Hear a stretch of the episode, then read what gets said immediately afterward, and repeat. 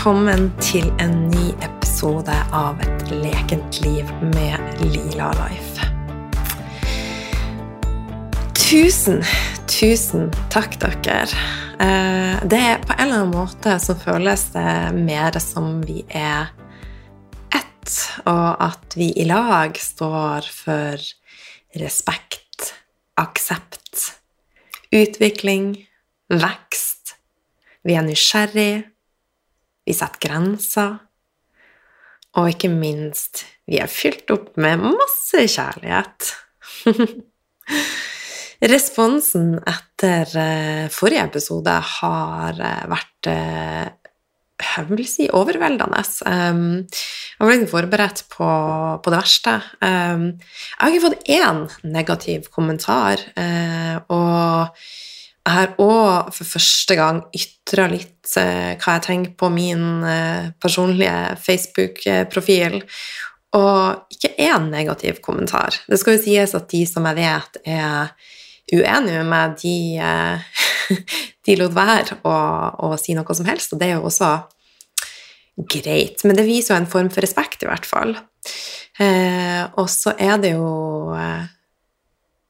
jeg tror at vi kommer veldig, veldig langt med å være ydmyk, og at det er en måte å forenes på. Eh, for som jeg sa i forrige episode, så er det ingen som sitter med en sannhet, og det vil alltid være gråsoner. Så eh, responsen har vært utrolig, utrolig fin, og jeg håper at jeg har klart å rukke over og svart alle. Jeg har gjort mitt beste. Ehm, så hvis det er noen jeg har glemt, eh, så er det jo ikke glemt. Det er det rett og slett bare at kapasiteten eh, stopper litt opp, da. Men det her eh, gir meg masse håp og tillit, og, og jeg føler meg lettere til sinns. Og ut ifra meldingene jeg fikk, så tror jeg det er flere som føler på det samme. Og det å ha tilhørighet til et fellesskap er utrolig, utrolig kraftfullt og, og viktig. Men det var ganske interessant å følge med den dagen der også på Instagrammen min, for plutselig så fikk jeg litt problemer med å publisere. Det kom opp sånn eh, eh advarsler om at eh, husk å ivareta fellesskapet og ikke del støtende ting. Eh, og jeg har jo ikke eh, nevnt covid en eneste gang, men det var kanskje noen av kommentarene som, som var da med ordet covid i. Men det er i hvert fall utrolig spennende å, å se da, at med en gang så vei man fulgt med, da. Eh, så vi skal være forsiktige med hva vi, hva vi deler, og, sånn, og det er jo jeg, da. Eh, eh, jeg prøver å gjøre alt på en ja, respektfull og hele tida få frem at dette er min sannhet. Så jeg tror at jeg på en eller annen måte lykkes med det, da. Så igjen, tusen takk eh, fra hjertet, og eh, takk for at du er her. Hvis vi går litt tilbake i tid, eh, episode 143, så hadde jeg med meg han Børge Fagerli som gjest. Og uka som var, så hadde han med som gjest i masterclass i Feminin Ristart-gjengen. Det er forresten et fellesskap som er mulig å, å bli med og der er det veldig mye av den samme energien som jeg følte at vi nå i lag kjente på eh, rundt dette. Eh, det er en trygg arena å være, hvor man kan lett på sløret i både den ene og andre retninga. Og eh, når, eh, når, du er nede, som er helt normalt å være av og til, så er vi der og plukker deg opp. Og når vi er oppe, så løfter vi de som trenger å bli plukka opp. Så det er et eh, fint, eh, fint fellesskap eh, med også masse, masse kraftfull læring. Så da vet du det, at det er åpent. Men han Børge var med i masterclass, og den samtalen vi hadde da, var veldig, veldig kraftfull. Og altså kom litt tilbake til det med frekvens, eh, men jeg og Børge vi er på samme frekvens når vi snakker om ting, og det gjør at vi utfyller hverandre veldig, veldig fint. da. Og for deg som har uh, fulgt med på, på podkasten og kanskje hørt alle episoder, så har jo uh, dette vært ei reise, og det som er sannheten for meg i dag, kan være endra til i morgen. Og det er rett og slett for at jeg er åpen, nysgjerrig og er der at jeg tenker at jeg utvikler meg, og da kan det være at det som var rett for meg i går, ikke er rett for meg i dag. Um, og periodisk faste er noe jeg har mer eller mindre praktisert i ganske mange år. Uh, og jeg har sett et mønster hvor jeg har valgt da å utsette mitt første måltid til uh, godt utpå dagen. Rett og slett for å ha føltes ok, og det har vært greit å få trent og få jobba og gjort disse tingene da før jeg bruker tid på et måltid. Og jeg har ikke vært spesielt sulten heller. Og så har jeg hatt typisk middag i fem-seks-tida, og så eh, bruker jeg alltid å kose meg med noen snacks på kveldene, og da er det typisk eh, eple med mandelsmør, litt kokebananchips, eh, kokoschips det kan være oliven, det kan være mandler eh, ja, Så sånn type snopkule. Elsker å avslutte dagen med det. Og det her har jo fungert relativt bra for meg. Eh, den eneste tingen som ikke har fungert bra, er jo biorytmen min, da. Altså the circadian rhythm, det er døgnrytmen. Så jeg bruker alltid lang tid på å og roe meg ned på kveldene og få sove.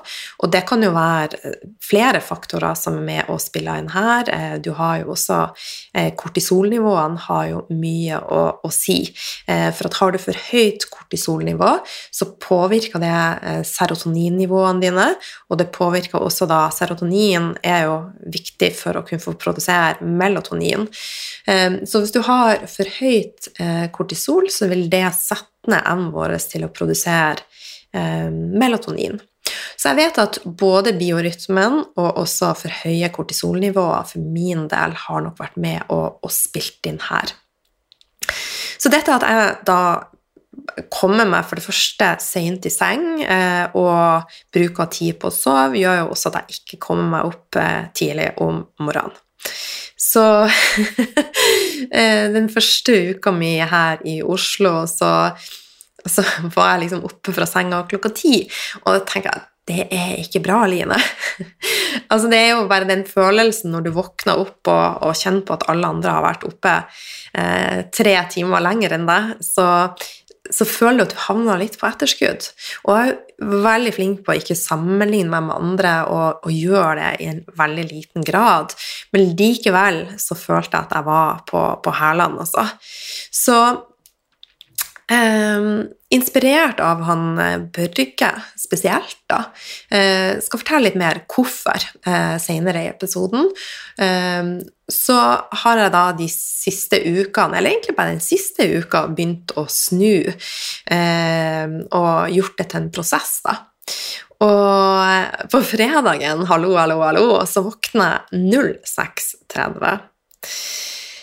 Og det skal sies da at uh, det var ikke helt av meg sjøl. Jeg elsker jo å bo i denne leiligheten leiligheta i uh, Oslo, og det er ekstremt stille her. og jeg hører nesten ingen. Men det én jeg hører. Jeg håper du ikke hører podkasten. det er leiligheta rett overfor meg, og han er jo også nordlending. Eh, så på et punkt så måtte jeg gå opp og peke på til han, for jeg skulle ha en meditasjon live. og bare, du, kan du skru ned lyden litt? Grann? Veldig glad i synginga di og glad i kaffemaskinen din og glad i vekkerklokka di, men akkurat nå trenger jeg bare litt stillhet. Og holdt på å flire seg i hjel. Men i hvert fall eh, det er jo litt ironisk at jeg har eh, investert i vekkerklokka som vekker meg skånsomt med lys og fuglekvitter, og så nå, hvis han skal på tidlig vakt, så våkner jeg Og det var det som skjedde fredag. Men eh, da hadde jeg sovet mange timer, så jeg var, var, ja, var fit for fight, altså. Ja, fit for fight. Det må vi snu. Jeg var klar for dagen. Altså, dagen er jo ikke en, en kamp, det, det må vi snu. Um, så da sto jeg opp, eh, og nå spiller jeg inn det søndag. Um, og både lørdag og søndag så har jeg vært oppe eh, typ åtte-halv ni. Og jeg spiser mye tidligere. Og eh, både frokost og middag og snacken min, da. Så jeg har fortsatt de tre måltidene. Og bare forskjøve eh, rett og slett tidsplanen på det, da.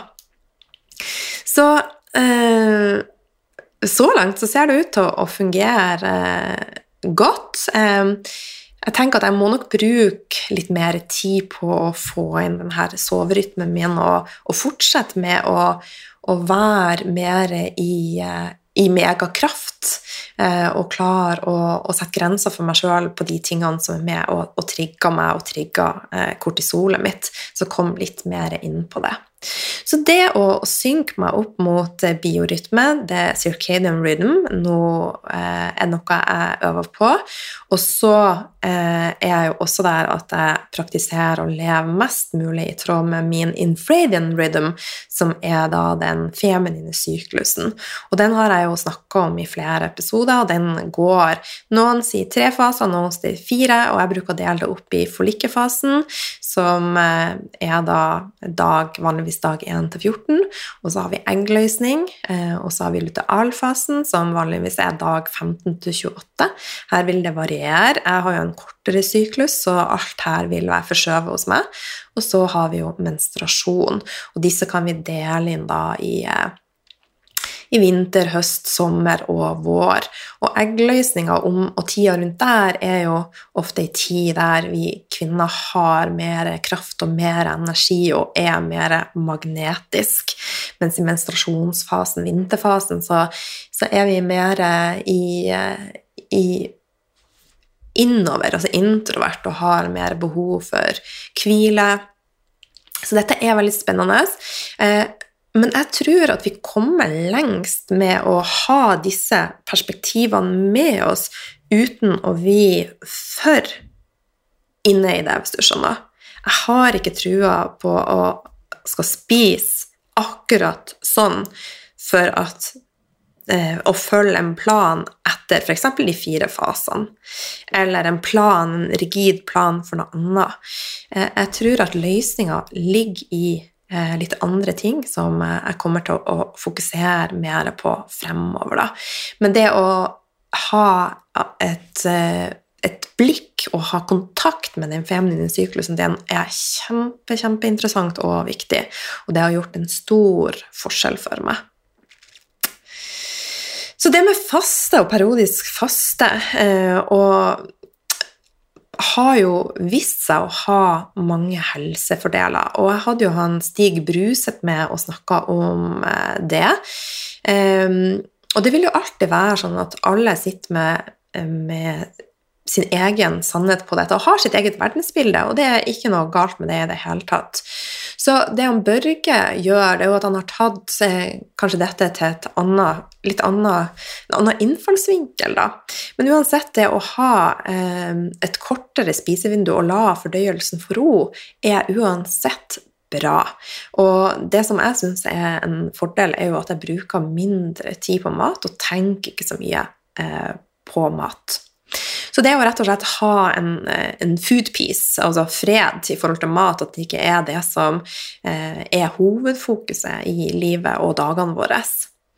Og så det å ha blitt mer hybrid har vært veldig viktig for meg å kunne eh, veksle mellom fett og sukkerforbrenning. Og for å komme dit eh, så må du rett og slett trene opp kroppen din til å forbrenne mer fett med å kutte ned på sukker og karbo. Eh, og så har jeg etter hvert introdusert mer karbo nå, så nå er jeg en hybrid. og forbrenner begge delene veldig godt, da. Vi vet jo at også at mikrobiomet er veldig viktig for helsa vår. Og vi mennesker er jo en del av flere sykluser. Vi har, eh, vi har Så når jeg skal over på et eh, engelsk eller amerikansk ord, så begynner gjerne ordet før og bare her.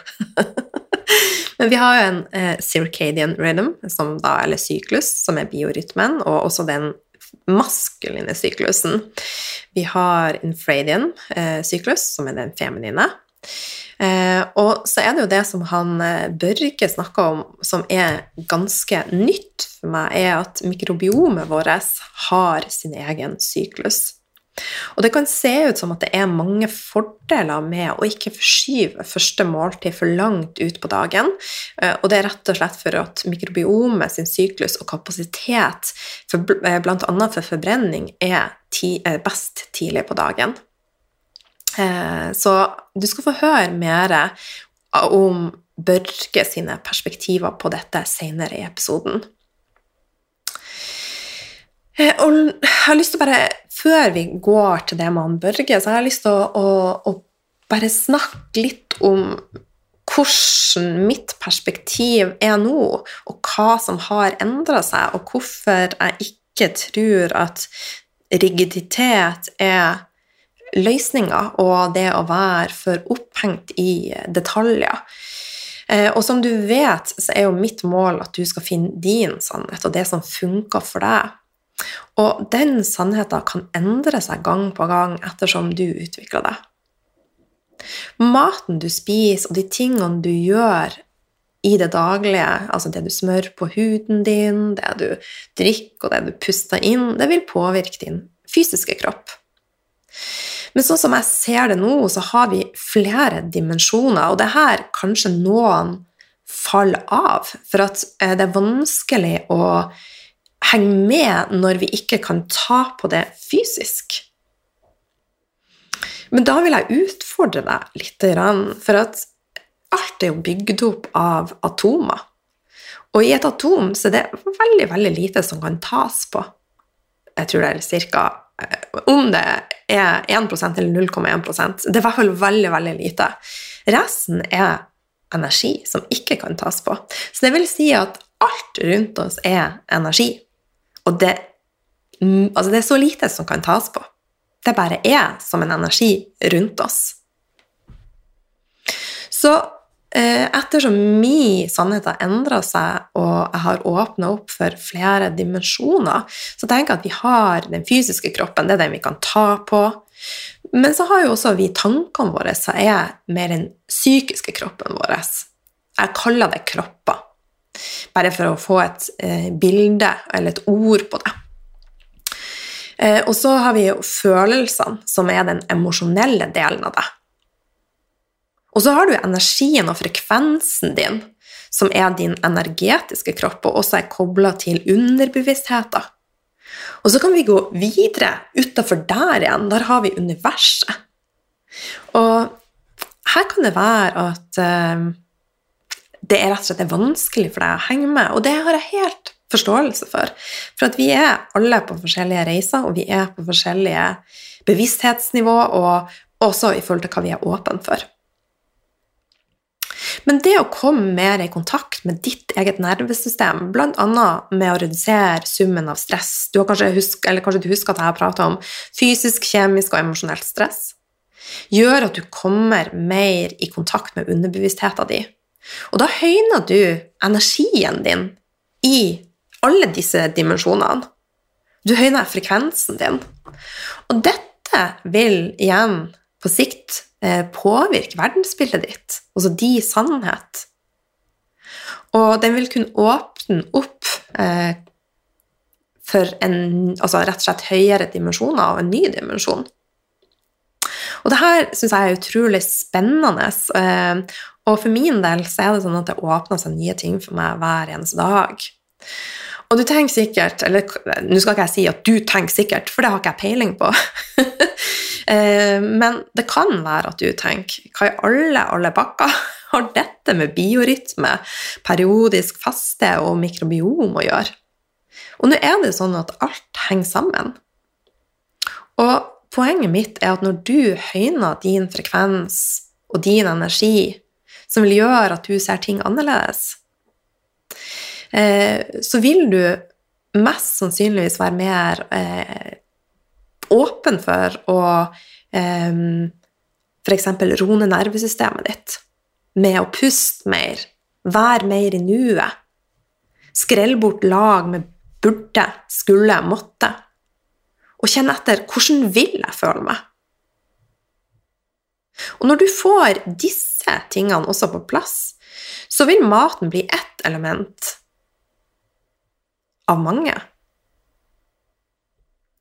Når jeg starta min reise, så var jeg veldig veldig opphengt i at mat var eneste løsninga, og at mat eh, var det aller viktigste. Mat er kjempeviktig. Ikke bare for helsa vår og for eh, altså, Maten vi spiser, påvirker blodsukkeret vårt, det påvirker betennelse, inflammasjoner i kroppen vår, det påvirker hormonbalansen vår, det påvirker mikrobiomet vårt, det påvirker alt. Det påvirker tankene i forhold til at tankene, nei, magen vår er connecta med hjernen. Men det gjør også de andre tingene. Det å, å puste mer vil også være viktig for alle disse elementene. Og det å klare å være her og nå er også viktig for disse elementene. Og det å komme i, med, altså, i kontakt med kraften i deg og skrelle bort de her tingene som du føler du må gjøre, vil også ha en hilende effekt. Og at du tuner inn med hva du vil, og gjør mer av det du vil, har også en hilende effekt. Så det er flere dimensjoner som er med og påvirker hvordan du har det. Jeg håper du henger med. Og så vil det være sånn at um, alle disse tingene vil jo høyne frekvensen din. Maten du spiser, og det å puste altså mer i kontakt med mage, hele systemet ditt, og det å være i nuet, gjør mer som kommer innenfra. Og så er det jo andre ting som kan være med å høyne frekvensen din, som det å praktisere takknemlighet. Eterisk olje altså, er helt magisk i forhold til det å høyne frekvens.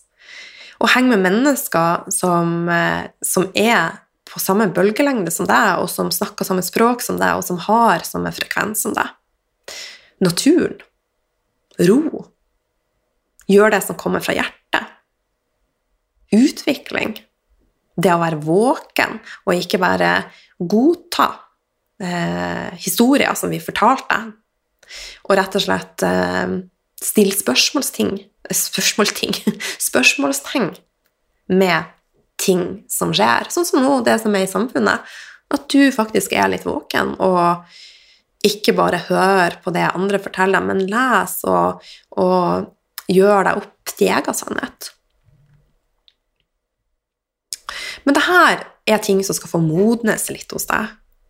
Um, det kan være at det er helt nytt for deg, og da vil det ikke resonnere med der du er akkurat nå. Men kanskje om noen måneder eller et halvt år. Så vær åpen. Dette er veldig, veldig spennende. Er du ikke enig? Eh, og en av tingene som jeg fikk tilbakemelding om etter eh, masterklassen med Børge, er at det, var så fint å høre på oss i lag, for vi hadde samme frekvens. Og det er utrolig interessant. Så en liten fun fact om han Børge. Visste du at han har gått på engleskolen med Märtha Louise?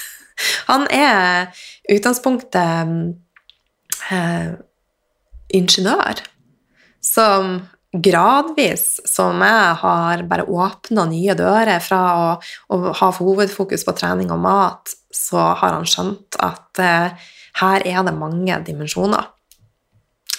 Så eh, tilbake til det med biorytmen, så får du et lite utdrag fra masterklassen eh, som, der han Børge forklarer dette på en veldig veldig fin måte. Det er litt dårligere lyd enn jeg ellers bruker å ha, rett og slett for at i masterklassen så har vi fokus på best mulig lys og video, for de ser oss. Eh, Nå sitter jeg som vanlig inntulla i et lite indianertelt i leiligheten min. eh, så, og det tar seg ikke så veldig godt ut på, på video. Så um, Men nå vet du det, du er advart. Det er bra lyd, men uh, ikke top notch. Og så vil jeg bare at du skal vite at tilbakemelding fra deg betyr alt, så ta deg gjerne tid til å gå inn via iTunes og, og legge igjen ei tilbakemelding. Det betyr at podkasten når ut til flere. Og ut fra eh, forrige episode så ser jeg jo at eh, podkasten min betyr mye for mange, og det er eh, veldig fint. Yes. Um, jeg skal, som jeg sa, så er jeg veldig glad i Eterisk skole, det sa jeg også i forrige episode. Um, det kommer til å bli et webinar i Eterisk olje den uh, eh, 20. 4. januar. Da forteller jeg også litt om eh, Ristart 22, som starta 22. i 22, som du kan få tilgang til med å eh, være med i mitt oljeteam. Da. Så jeg kommer til å gå gjennom eh, hva eterisk olje er, og hvordan bruke det, og hvorfor bruke det. Og også litt om Ristart 22. Så det gleder jeg meg masse til. Da gjenstår det bare å si lag deg ei eh, magisk uke. Um, fremover så kommer jeg til å veksle på å ha gjester og også prate mye sjøl. Det kommer nok til å bli flere episoder der jeg er solo, uh, rett og slett, uh, for jeg har veldig mange andre prosjekter som jeg skal i, i gang med, og um, trives veldig godt også med å, å prate solo.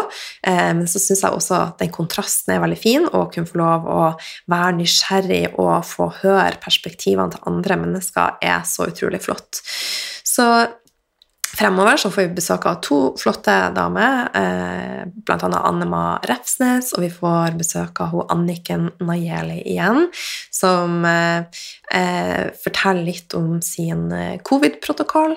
Så mye spennende i vente. Ok, tusen takk for følget. Vi hørs! Hjerteklem ifra meg.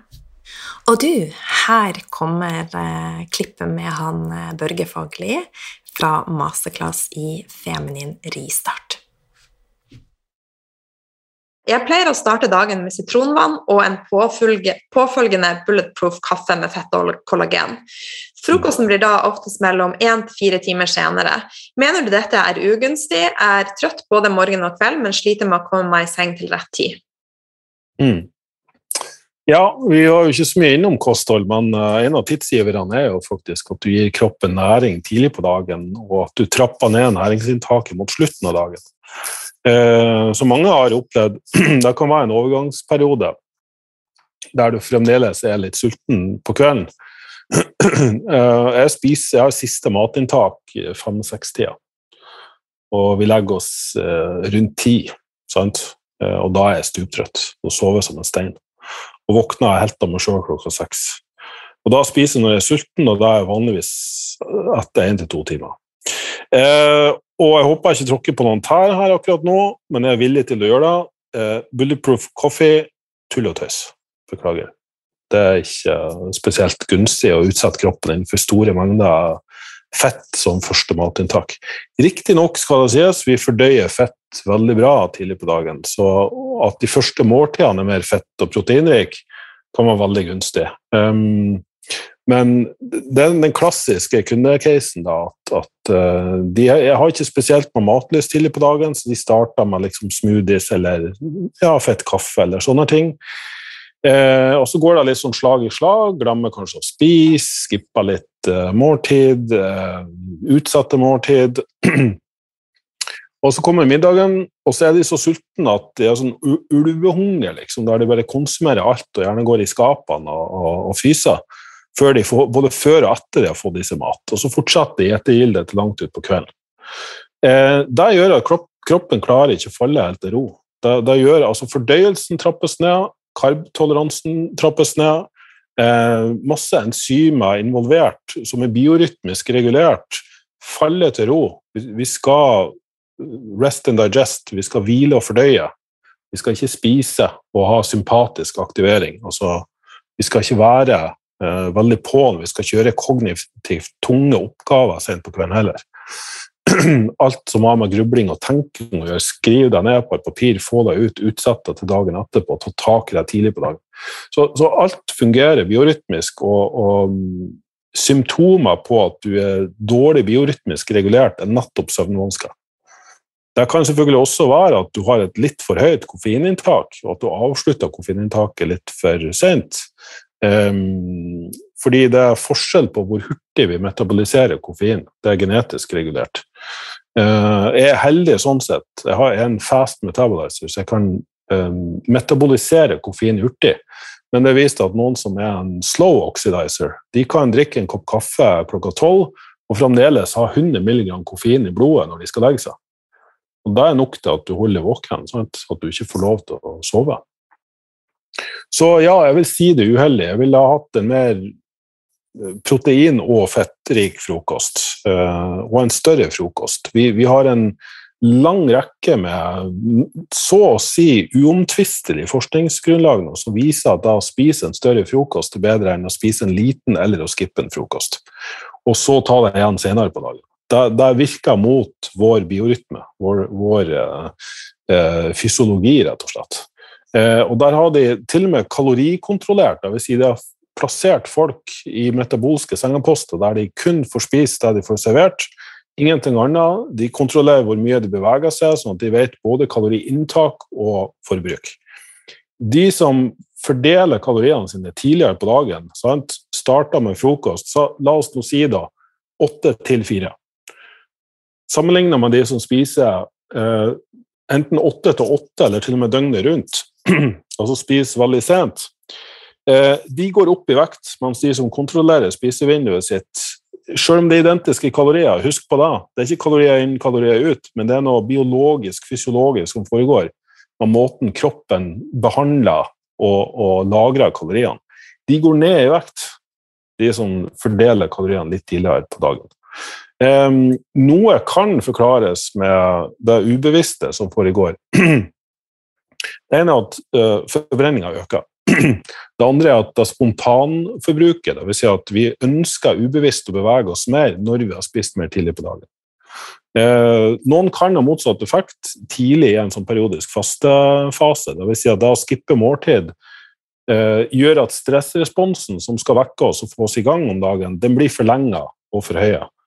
Og den er jo derfor at hvis vi ikke har mat i huset eller mat i landsbyen, så må vi ut og finne det. Sant? Det trigger sankeren i oss.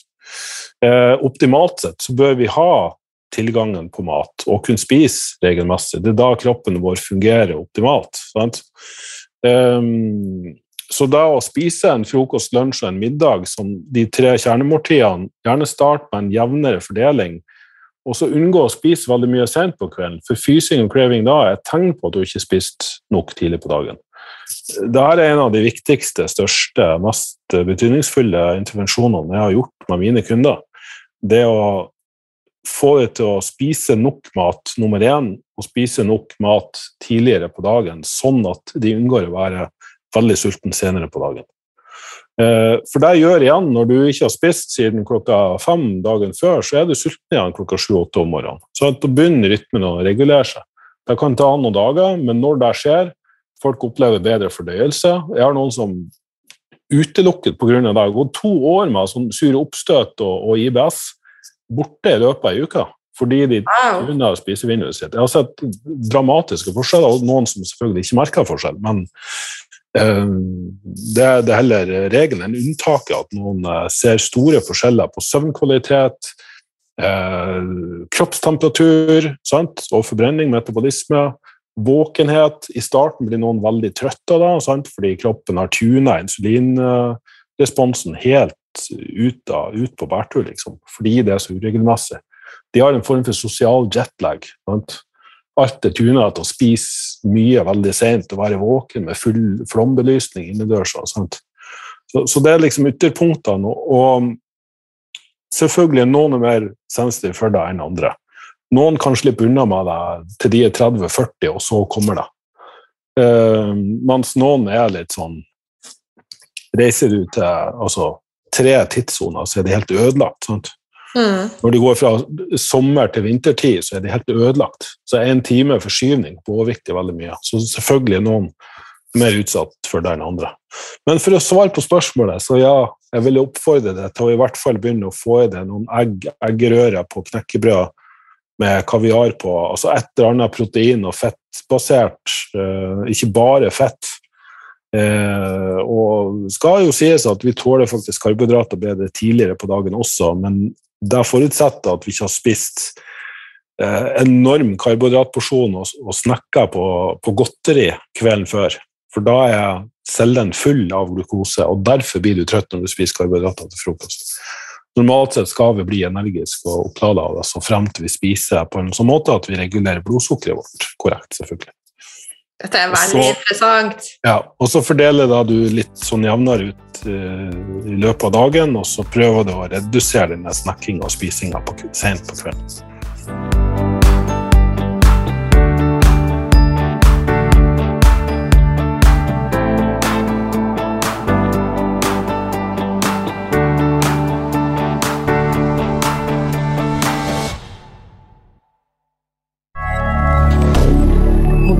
Calendar